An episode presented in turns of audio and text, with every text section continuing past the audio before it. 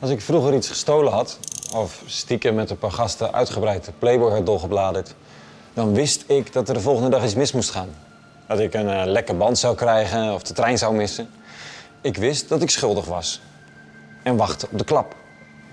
God was een langbaardige kerel met een grote knuppel achter zijn rug die kijkt waar zijn kleine jongetjes en meisjes iets verkeerd doet en er dan flink op loslaat.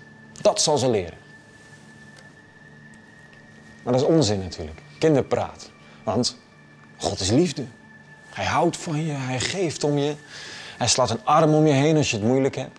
Hij is dan wel onzichtbaar. Maar verder is hij je perfecte vriendje. Of vriendinnetje natuurlijk, wat jij wil. Schattig, liefjes, roze. Hmm. Helaas voor alle zwijmelaars, dat is hij ook niet. God is geen machtsbelusteling.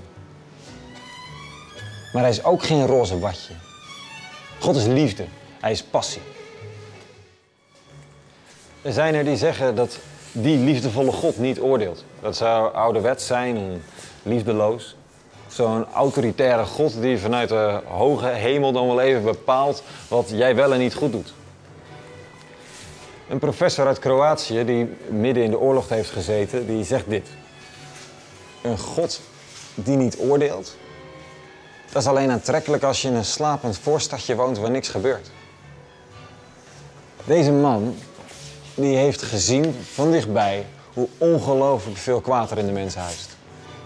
Midden in een oorlog of midden in een thuis waar je slechte ouders je leven onmogelijk maken of tussen vrienden die je kleineren, daar wil je wel een God die even flink oordeelt. Onze aarde die schreeuwt om wraak, om iemand die iets doet. Ik geloof in liefde, maar als je in liefde gelooft, dan moet je ook woedend durven zijn. Dat is net zo met Gods liefde. Woede over het vervloekte onrecht dat ons en anderen overkomt. Woede over hoe sommige vluchtelingen onterecht teruggestuurd worden naar de hel waar ze vandaan komen. En je kan voor het meeste kwaad geen directe schuldig aanwijzen. Ik weet niet precies wie er fout zit en waarom. Maar ik kan wel met mijn vrienden, met mijn kerk, de woede over zoveel onrecht levend houden. Omdat ik van harte geloof dat God hier zijn oordeel over uitspreekt. En ik kan daarmee zelfs erkennen dat God mij veroordeelt als ik eraan meewerk.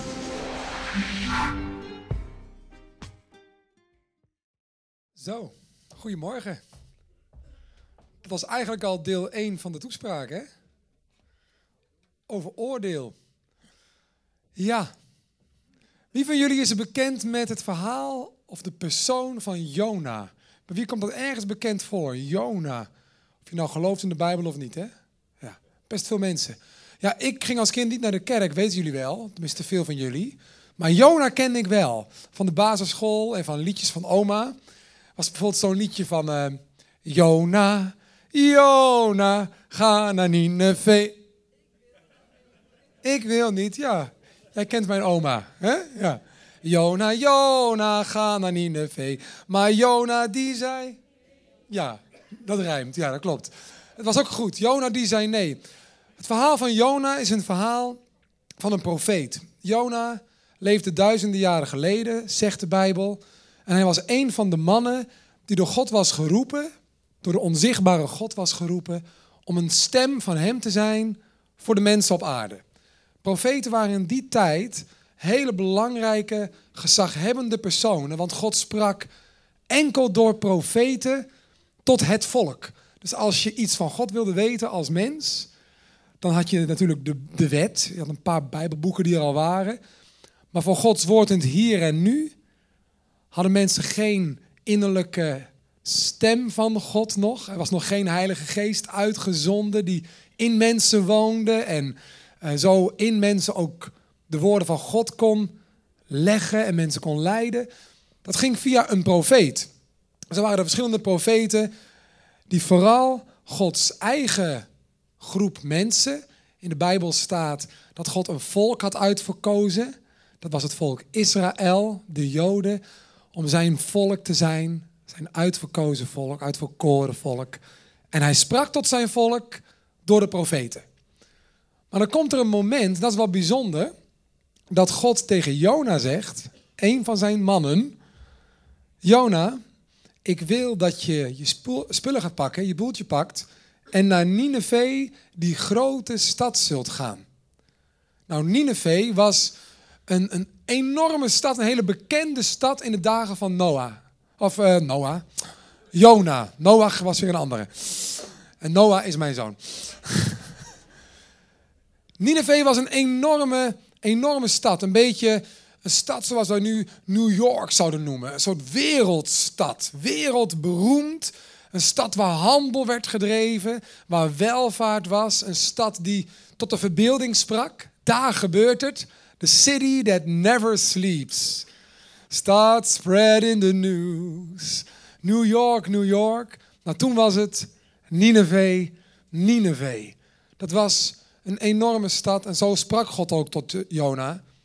Ga naar Nineveh, die grote stad. Enorm, heel bekend. Het bijzondere is aan deze opdracht dat Nineveh eigenlijk niet hoorde bij Israël.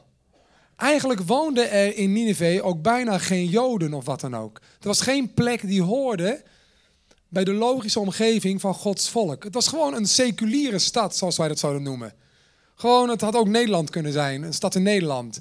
Jona, ga naar Amsterdam. Ik bedoel, het had niks met, met, met zijn volk te maken. Daar woonden gewoon mensen die helemaal niet in God geloofden of een andere God geloofden. In ieder geval niet in de, de profeten en de wet, Mozes. Nee, daar geloofden ze helemaal niet in. Die kenden ze helemaal niet. En dan zegt God tegen Jona, ga naar die stad. Daar wonen mensen. Hij weet zelfs precies hoeveel mensen er wonen. Daar zijn dieren. Hij weet zelfs precies hoeveel dieren daar wonen. In detail weet hij alles van die stad. En ik wil dat je daarheen gaat om mensen wakker te schudden. Ik zal je een klein stukje voorlezen. Want we gaan de komende weken met Jona op pad. Peter en ik hebben allebei dit korte Bijbelboekje gelezen. En waren erg onder de indruk van de inspiratie en de lessen die hierin zitten. Vandaag het eerste. Jona 1. Daar staat: Eens richtte de Heer zich tot Jona, de zoon van Amittai. Maak je gereed en ga naar Nineveh, die grote stad, om haar aan te klagen. Want het kwaad dat ze daar doen, is ten hemel schrijend. Daar komt het spreekwoord vandaan. Ten hemel schrijend. Het is om te janken. Ik in de hemel, zegt God, ben onder de indruk en ben geraakt door de ellende en de rotzooi die ik daar zie gebeuren. Het raakte God. En dan staat er, en Jona maakte zich gereed, maar vluchtte naar Tarsis, weg van de Heer. Maar Jona die zei nee. En dan gaat het liedje verder, ik wil niet naar die nare stad en zo. Nou, prima. Jona gaat niet. Waarom gaat Jona niet? Nou, hij heeft er een paar goede redenen voor. Eén, het was een gigantische en machtige stad. Hij dacht, kom ik daar als Jood namens een God waar ze daar niet in geloven, om die stad op een donder te geven. Ja, want daar komt het op neer. Ze aan te klagen, ze de waarheid te vertellen. Hij was in dit geval een onheilsprofeet die namens God moest waarschuwen, als jullie zo doorgaan, zijn er gevolgen. Dan zal ik deze stad omverkeren. Zal ik alles omwerpen en dit allemaal vernietigen. Nou, fijne boodschap. Jona zag het niet zo zitten. Een andere reden zou kunnen zijn. Nineveh was de hoofdstad van het Assyrische Rijk. En zij stond daarom bekend dat ze steeds andere landen en delen van landen inpikten.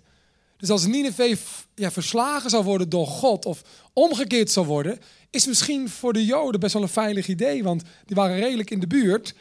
Misschien zou anders Nineveh hun wel in gaan nemen. Dus Jona had allerlei redenen waarom hij daar niet heen wilde. Nog een reden van Jona was, ik heb geen zin om die gasten die daar zulke vreselijke dingen doen, waarover gesproken werd, om die te waarschuwen. Want eigenlijk, en dat herken ik wel, zou ik het fijner vinden als u ze gewoon lekker straft, dan dat ik ze moet waarschuwen en zij zich misschien wel bekeren hè, en dat u ze dan niet straft. Ik vind eigenlijk straf eerlijker nu dan dat u ze weer op de goede weg brengt en dat het weer goed komt met die mensen. Ik gun ze dat eigenlijk niet. Kan je dat voorstellen? Ik deed laatst een voorstelling met Gert van der Vijver, de zandkunstenaar, tovenaar. En wij zongen het liedje dat vorige week hier gezongen is, Vergeving of Vergelding. En toen tekende Gert op het scherm een IS-strijder. Ik heb dat gezien, ik moest zingen. Eh, eh, eh, mijn strot zat zo'n beetje dicht. Want ik had die beelden niet gezien voordat we het live gingen doen. En ik dacht, ja, ja, maar eigenlijk gun ik die mannen die dat soort dingen doen die ik op het journaal heb gezien en jullie ook misschien, of in de krant heb gelezen, gun ik geen vergeving. Dat vind ik niet eerlijk. Wat ik eigenlijk van nature die mensen gun, is gewoon dat op een hele simpele manier al die gasten in één keer kunnen wegvagen. Dat, dat zou mijn menselijke oplossing zijn. Dat hoor ik ook wel eens op verjaardagen. Al die mensen bij elkaar, bom erop, probleem klaar. Dat hoor ik wel. Of allemaal in op de maan zetten, weg, weg ermee. Wat, wat voegen die mensen nog toe op deze wereld? Ze brengen alleen maar dood en verderf en angst en terreur. Dan kunnen we beter zonder zijn. Ik kan me voorstellen dat Jona gedacht heeft in die tijd: wat zou ik naar Nineveh gaan om ze te waarschuwen namens mijn genadige God? Want zo ken ik hem. Want zo bekeerden ze zich. En nog even, dan horen ze ook bij mij, bij mijn God. Nou, liever niet. Dus Jona gaat op de vlucht. Nou goed, volgende week zal eh, Peter daar het verhaal met jullie oppakken. Ik wil nu even hier blijven. Bij wat leer ik nou over God in dit korte stukje wat ik net heb gelezen? Nou, één, heel belangrijk, en dat inspireert me ook heel erg, geeft me kracht. God vanuit de hemel is wel degelijk betrokken bij wat er op aarde gebeurt. Hij ziet het en het doet iets met hem. En dan denk je, ja, de, tuurlijk, als God bestaat, en jij gelooft dat, Martin, tuurlijk ziet hij dan alles. Waarom raakt mij dat nou toch zo? Het is toch een open deur, God ziet alles. Nou, het raakt mij zo omdat ik om mij heen vaak het tegenovergestelde hoor. Als God bestaat, dan is hij in slaap gevallen of, of een slechte God. Want hij doet niks aan wat er allemaal gebeurt. En hij ziet het waarschijnlijk niet eens. Of God kan niet eens bestaan. Want als hij zou bestaan, dan zou hij toch wel iets doen. Of het zal hem dan toch moeten raken dat de kinderen sterven van de honger. Of dat er, nou, dat IS bestaat en dingen doet. En, en dat er hier in Nederland Ehm, kinderen worden mishandeld door hun ouders. En, en dat, dat je soms op het journaal hoort dat een of ander gehandicapt kindje wekenlang in een of andere kamer opgesloten zat. Gewoon in Nederland. Waar is God? Hallo? Hallo? Is daar iemand? Dat hoor ik vaak en dat denk ik stiekem zelf ook wel eens. En er staat hier in dit stukje dat God tegen Jona zegt: ga naar die stad waarvan ik precies weet hoeveel mensen er wonen, hoeveel mannen, vrouwen, kinderen, mensen die bewust of onbewust in het leven staan, hoeveel dieren er zijn. En ga ze zeggen dat ik precies weet wat ze doen en dat het moet stoppen. Dat leert mij, God ziet en het raakt God wat hier gebeurt. Ja, zeg je dan, prima. Misschien zeg je dat. Prima, mooi verhaal. Mooi verhaal. Duizenden jaren geleden niet na te trekken of het echt waar is. Maar waarom doet God dat dan niet nu? Waarom gaan er dan niet nu mannen en vrouwen van God met enorme kracht naar uh, nou ja, brandhaarden in de wereld of naar gezinnen in Nederland waar het helemaal mis is? En te zeggen, hey, God heeft jou gezien, even kappen of er komt een, uh, een oordeel. Dan gaat God ingrijpen. Dan komt de straf. Waarom doet God dat dan nu niet? Ik was in Drachten en ik had een gesprek in, in zo'n kerk daar. En dan is een paar christenen en een paar niet-christenen uitgenodigd. Om met elkaar te discussiëren voor de gemeente. Het ging over dit onderwerp. Waarom doet God niks? En ik zat daar met Willy Bord Freken. Misschien ken je hem nog. Van uh, die programma's van vroeger. Dat hij, hey, uh, ik kan je even ter verantwoording roepen. En uh, Marijke van Helwegen. Die ken je wel, toch ook? En, en Remco Harms zat er. Die zanger van, van Gordons groepje. Wat niet meer Gordons groepje is. En, uh, hoe heet ze? LA The Voices. En, ik zat er. Ik was dan uh, de gospelzanger. Die dan af en toe wat uit de Bijbel mocht zeggen. En ik zat daar. En toen zei Willy Bord Freken, natuurlijk twee keer zo oud als ik, minimaal. Veel meer levenservaring, een stukje slimmer misschien ook wel. Die keek mij zo aan. En voor 2000 man, publiek, zei hij tegen mij zo. Die zijn geloofd in God, hè? Ik zeg ja. En dan heb ik even één vraagje, hè? Eén vraagje. Ik zeg, nou, kom maar. Toen zei hij, nou, wat heb jij gezien in de wereld? Ik zeg, nou ja, ja, een aantal landen. Als zendeling ben ik op een aantal landen geweest. Of in een aantal landen geweest. En ook wel in sloppenwijken. En, ja, ja, ja. Weet je waar ik ben geweest? Ik heb kinderen zien sterven in de woestijn van de honger. Toen ik nog werkte voor Brandpunt en reportages maakte. Ik heb de oorlogsgebieden bezocht waar de kinderen tegenkwamen zonder armen. Door een of andere rotgranaat. Waar de kinderen niks aan konden doen. Ik heb moeders zien huilen om overleden kinderen. Sommigen waren ze allemaal kwijt. En dan riepen ze naar de hemel, maar bleef aardig stil. Ik geloof niet meer in God. Want als er een God was, als ik God was, had ik wel wat gedaan. En als ik in de hemel kom, zei Billy Broert, dan trek ik God uit zijn stropdas en dan zeg ik, hey, ik heb nog een vraagje. Zo dacht hij. En ik, ik snap zijn gevoel wel, want dat hoor je heel vaak. En ik stond ook met de mond vol tanden, want ik moest antwoord geven en ik zei, ik weet het niet. Echt niet. Ik weet echt niet waarom God de dingen doet zoals God ze doet of niet doet wanneer God ze niet doet. Ik weet het niet. Alles wat ik nu zeg is verkeerd. Ik kan Gods gedachten niet lezen. De Bijbel zegt, zijn wegen zijn hoger dan mijn wegen. Zijn gedachten zijn hoger dan mijn gedachten. Ik kan zijn advocaat niet spelen.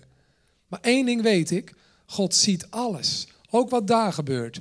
En ik ken mannen en vrouwen, ook in deze tijd, die geïnspireerd door hun geloof, reagerend op de roepstem van God in hun hart, juist naar die gebieden gaan om namens Hem liefde te geven. En de wonden te verbinden. En geld te geven. En voedsel te brengen. Tuurlijk een druppel op een gloeiende plaat. Maar God is wel degelijk aanwezig. In zijn mensen, ook op die plekken. Ja, het zou handig zijn als God wat deed, hè? Als ik God was.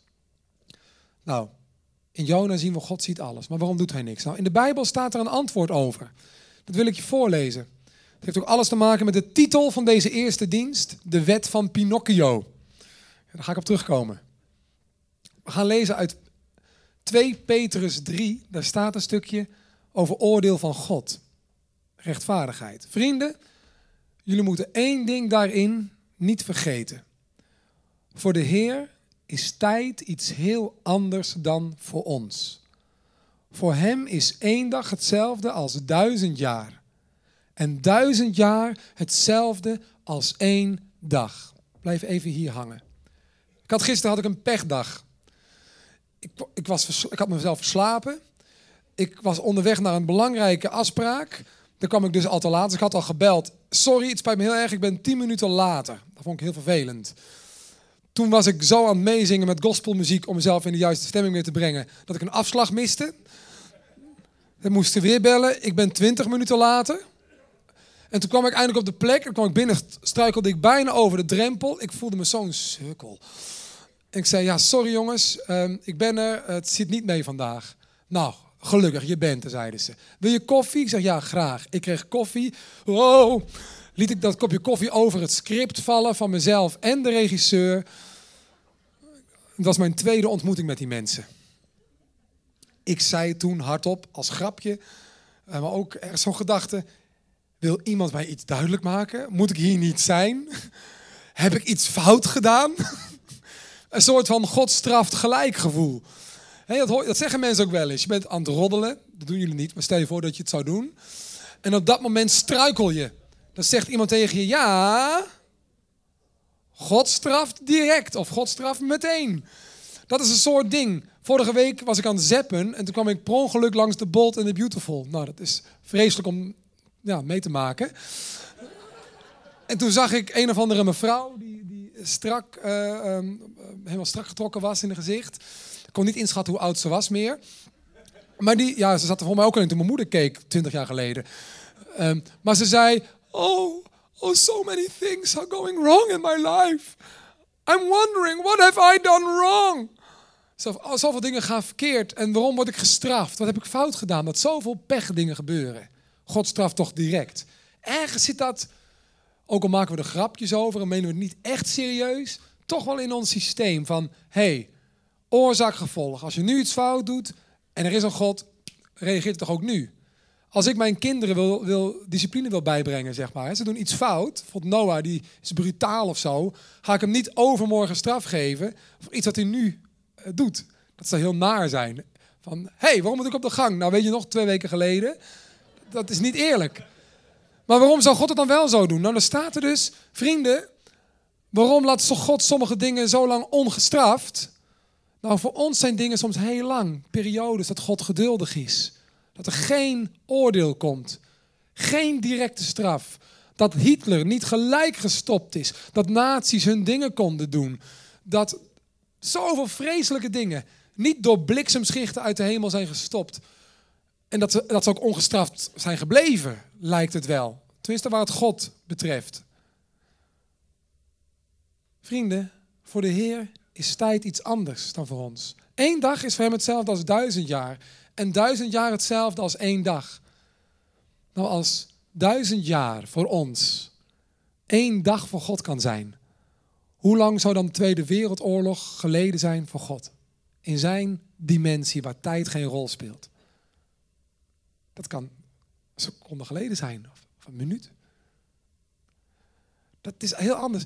En het is niet zo dat God niet zal straffen. En het is niet zo dat God niets doet. Ik geloof dat God alles ziet, dat God alles weet en dat God rechtvaardig is. En de, en de verkeerde dingen, het onrecht in mijn leven, maar ook het grote onrecht in de wereld, zeker niet voor lief neemt en ongestraft laat. Ik denk wel degelijk dat er een wet is, maar niet de wet van Pinocchio, waarin als je nu iets verkeerd doet, je neus gelijk groeit. En iedereen ziet, hé, hey, je hebt gelogen, hè? Straf.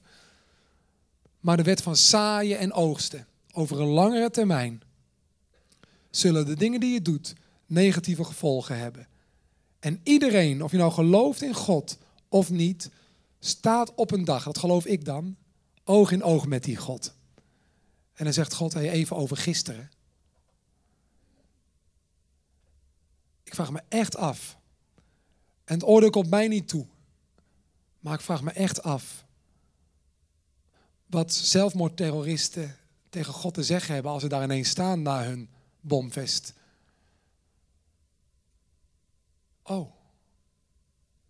Of wat zou, wat zou Hitler gezegd hebben toen hij daar stond? Voor God. Voor Jezus. Een Jood. Voor mij zeg je niks meer. Ik geloof dat er wel degelijk een dag komt dat al het onrecht ter verantwoording geroepen zal worden. Stil maar, wacht maar, het komt. In de Bijbel staan wraakpsalmen. Die vind ik nooit zo sympathiek. Dan lees je een psalm, bijvoorbeeld psalm 137. Als je een Bijbel hebt, schrijf het even op, lees hem thuis. Het is, ik vind het te heftig voor nu. Psalm 137. Gaat eerst over de liefde van God en wat er allemaal gebeurd is in iemands leven. En dan staat er ineens iets van, God straf die mensen en straf hun kinderen. Vreselijke, bloeddorstige, boze uitspraken. Denk je, hè? Maar God is toch liefde? Hoe kan dat nou in de Bijbel staan? Maar die wraakpsalmen, die kreten om vergelding en rechtvaardigheid, zijn menselijk. Want als mijn kind iets aangedaan zou worden, dan zou ik ook willen dat er rechtvaardigheid komt. En als ik het niet zelf mag doen, en soms is de overheid in mijn ogen te, te soft, of te makkelijk, of iets wordt niet bewezen en iemand komt vrij uit, dan is mijn kreet ook God. Maar u heeft het gezien en laat toch rechtvaardigheid zijn. We lezen verder in dat stukje wat we aan het lezen waren uit Petrus. De Heer houdt zich echt aan zijn belofte. Al beweren sommige mensen van niet. Hij wacht omdat hij geduld heeft met jullie. Hij geeft iedereen de kans om een nieuw leven te beginnen. En het laatste stukje. Want hij wil dat iedereen gered wordt. Zo is onze God. Rechtvaardig, sterk. Hij kan met één klap van zijn hand ons allemaal wegvagen. Doet hij niet. Hij is geduldig. Maar pas op, de Heer komt terug op een moment dat je het niet verwacht. Dat je het niet verwacht. En niet om je bang te maken, maar om je mee te geven wat God daarover zegt. Staat in Matthäus 25, iets over dat laatste moment, hè, dat de Heer terugkomt. Dan lees je hoe dat eruit zal zien. Ik weet niet of jullie beelddenkers zijn, maar ik ben een beelddenker. Probeer het maar voor je te zien. Wanneer de mensenzoon komt, dat is Jezus, omstraald door luister en in het gezelschap van alle engelen, wow, hoeveel zijn dat er? Zal hij plaatsnemen op zijn glorierijke troon. Dan zullen alle volken, niet alleen de gelovigen, hè? niet alleen de christenen en de joden, alle volken ter wereld, van alle tijden. Wat een dag. We noemen dat de oordeelsdag. Bestaat dat dan? Ik geloof in de Bijbel. Bij Jezus gebracht worden. Voor Hem. En dan zal Hij de mensen van elkaar scheiden. Zoals een herder de schapen van de bokken scheidt. Dus links, rechts, links, rechts. En dan moet iedereen verantwoording afleggen. Op die dag. Maar weet je waarom God zo lang wacht? Omdat Hij wil dat jij op die dag, als jij Hem zult ontmoeten als je sterft, of Hem zult ontmoeten wanneer Hij komt, niet bang hoeft te zijn voor een straf of een rechtvaardig oordeel over jouw leven, waarin je echt niet alles goed hebt gedaan, ik ook niet. En waarin je zeker naar God toe, die heilig is, de plank vaak hebt misgeslagen. Dat je niet zelf die verantwoordelijkheid hoeft te dragen en de straf die daarbij hoort, maar dat je gerust kunt zijn, omdat deze God niet jouw rechter meer is, maar jouw vader en jouw vriend en jouw schuilplaats, nu en dan. Jezus, hebben we met Pasen herdacht, is gekomen op aarde de eerste keer om volmaakt te leven zoals wij dat niet kunnen.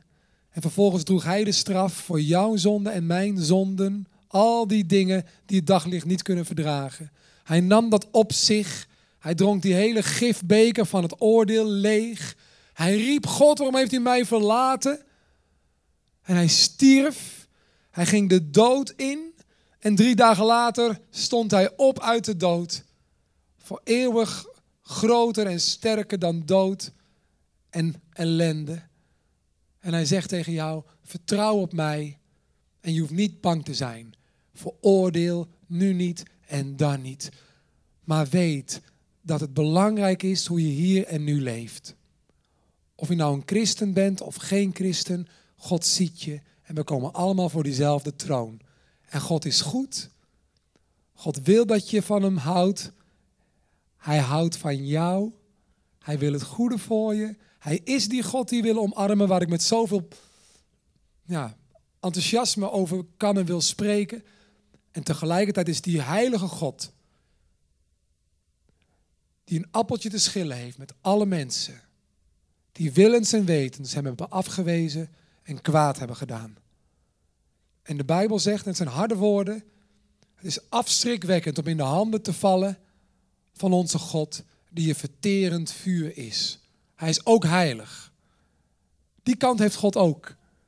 Vinden wij een beetje vervelend, maar ik ben trots ook op die kant van God. Want met die kant van God zullen alle boosdoeners rekening moeten houden. En dat gun ik alle slachtoffers. Van boosdoeners nu, gisteren en morgen. Ik wil geen boosdoener zijn.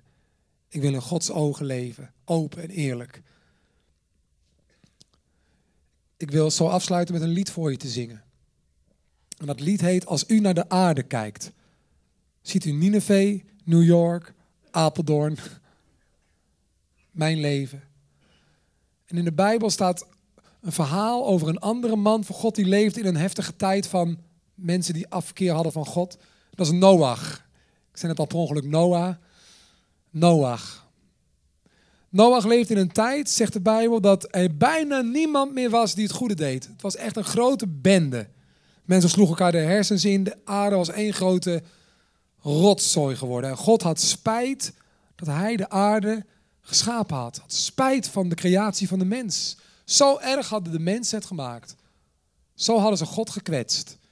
En God dacht, ik wil dit niet meer. En weet je wat er dan staat? En dat is positief. Dat raakte mij. God kijkt naar die hele wereld en dan ziet hij die ene man met zijn vrouw en zijn kinderen, Noach. En dan staat er, Noach bracht het hart van God grote vreugde. Dat is toch gaaf? Dat kan ik niet. Als, als ik, als ik ehm, negen complimentjes krijg, negen positieve dingen ervaren en één iemand zegt, nou, eh, je kan er niks van, of zo. Of ik vind, je, ik vind je stom, of ik hou niet van je muziek, iets negatiefs. Dan ga ik daar een twee of drie dagen over nadenken. Dat negatieve, dat pakt mij meer dan het positieve. Gek hè? Dat is menselijk, denk ik. Maar God heeft de, de goddelijke eigenschap om de ellende allemaal te zien en dan toch in te kunnen zoomen op het positieve, Noach en zijn familie. En dan staat er, God wordt er blij van. God ervoer vreugde. En toen dacht ik, ja, het is mijn wens, als God nu kijkt, en hij kijkt nu, dat hij mijn leven ziet. En dat dan in ieder geval iemand ziet die onvolmaakt als hij is, toch voor God wil leven, eerlijk wil zijn en hem wil kennen. En een deel wil zijn van het goede en van de oplossing en niet van het probleem. Het liedje heet Als u naar de aarde kijkt.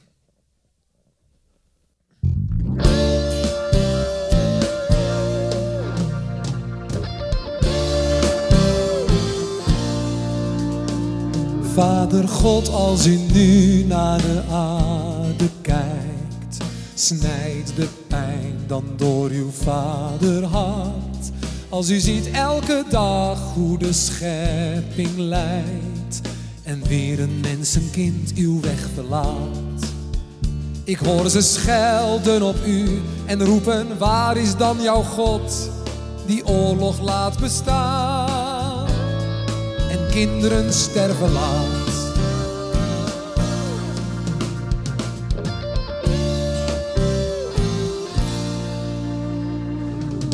Is het niet moeilijk zo goed te zijn voor mensen die u steeds weer kwetsen, Heer? Onze pijn, Heer, mijn God, het is ook uw pijn. En onrechtvaardigheid, dat raakt u zeer. Elke leugen ligt open, elke zonde is bekend voor u die harten kent en toch genadig bent. Oh, laat mij een lichtpunt zijn als u naar de wereld kijkt. Ik wil uw hart verblijden. Ik wil uw dienaar zijn. Ik neem mijn verantwoordelijkheid. Uw liefde te verspreiden. Uit liefde voor u. Uit liefde voor u.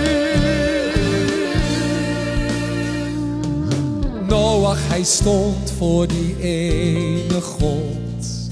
In een tijd van ongehoorzaamheid. U had spijt dat u mensen geschapen had. Maar Noach bracht toch vreugde in uw hart. En u sprak met uw dienaar, ontvouwde hem uw plan. Een simpel mens, een man, die u gebruiken kan. Oh, laat mij een lichtpunt zijn als u naar de aarde kijkt. Laat ons uw hart verblijden. Ik wil uw dienaar zijn. Neem mijn verantwoordelijkheid. Uw liefde te verspreiden. Uw liefde te verspreiden. Uw liefde te verspreiden. Uit liefde voor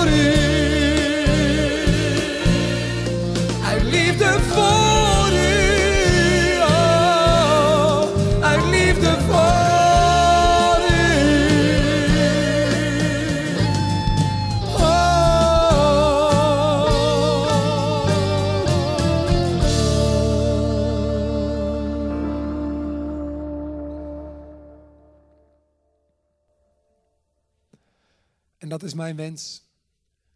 Ook voor jou. Twee dingen wat je mee mag nemen uit deze toespraak. Eén, God ziet alles. Dus ook wat jou is aangedaan. Ook de dingen waar jij boos om bent. Peter sprak vorige week over vergeving aanbieden. En Deborah zong vergeving of vergelding. Toen heeft Peter ook gezegd uit Romeinen 12 dat God zegt: Ik ben de God die zal vergelden. Ik vergeet het niet. Er komt een dag, dan komt alles in het licht. Je hoeft niet voor jezelf te vechten. Zeker niet in die zaken die jij niet op kunt lossen of niet meer op kunt lossen. Maar weet, er komt rechtvaardigheid. En bid voor de bekering en de goede afloop voor jou en die ander. Maar weet, alles komt in het, in het reine. En twee, wat je mee mag nemen. Als jouw leven op dit moment niet recht is tegenover God en mensen. Als jij leeft in schimmigheid, oneerlijkheid, dubbelheid, op wat voor gebied dan ook. En je denkt, ach, God ziet het niet, want ik kom ermee weg. En wat niet weet, wat niet deert. Al is de leugen nog zo snel. De waarheid achterhaalt hem wel. Ik ben van de spreekwoorden. Geloof erin. De waarheid komt aan het licht.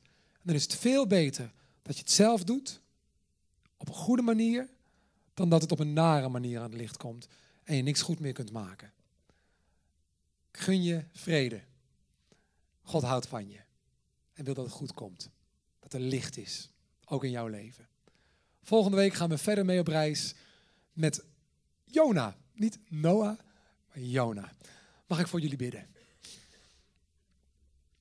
Vader in de hemel, dank u wel dat u niet alleen naar de wereld kijkt, maar dat u, dat u, naar mensen kijkt.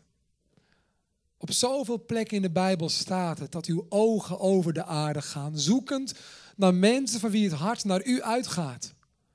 Mensen die het goede willen doen, die eerlijk willen leven, die het licht willen zoeken.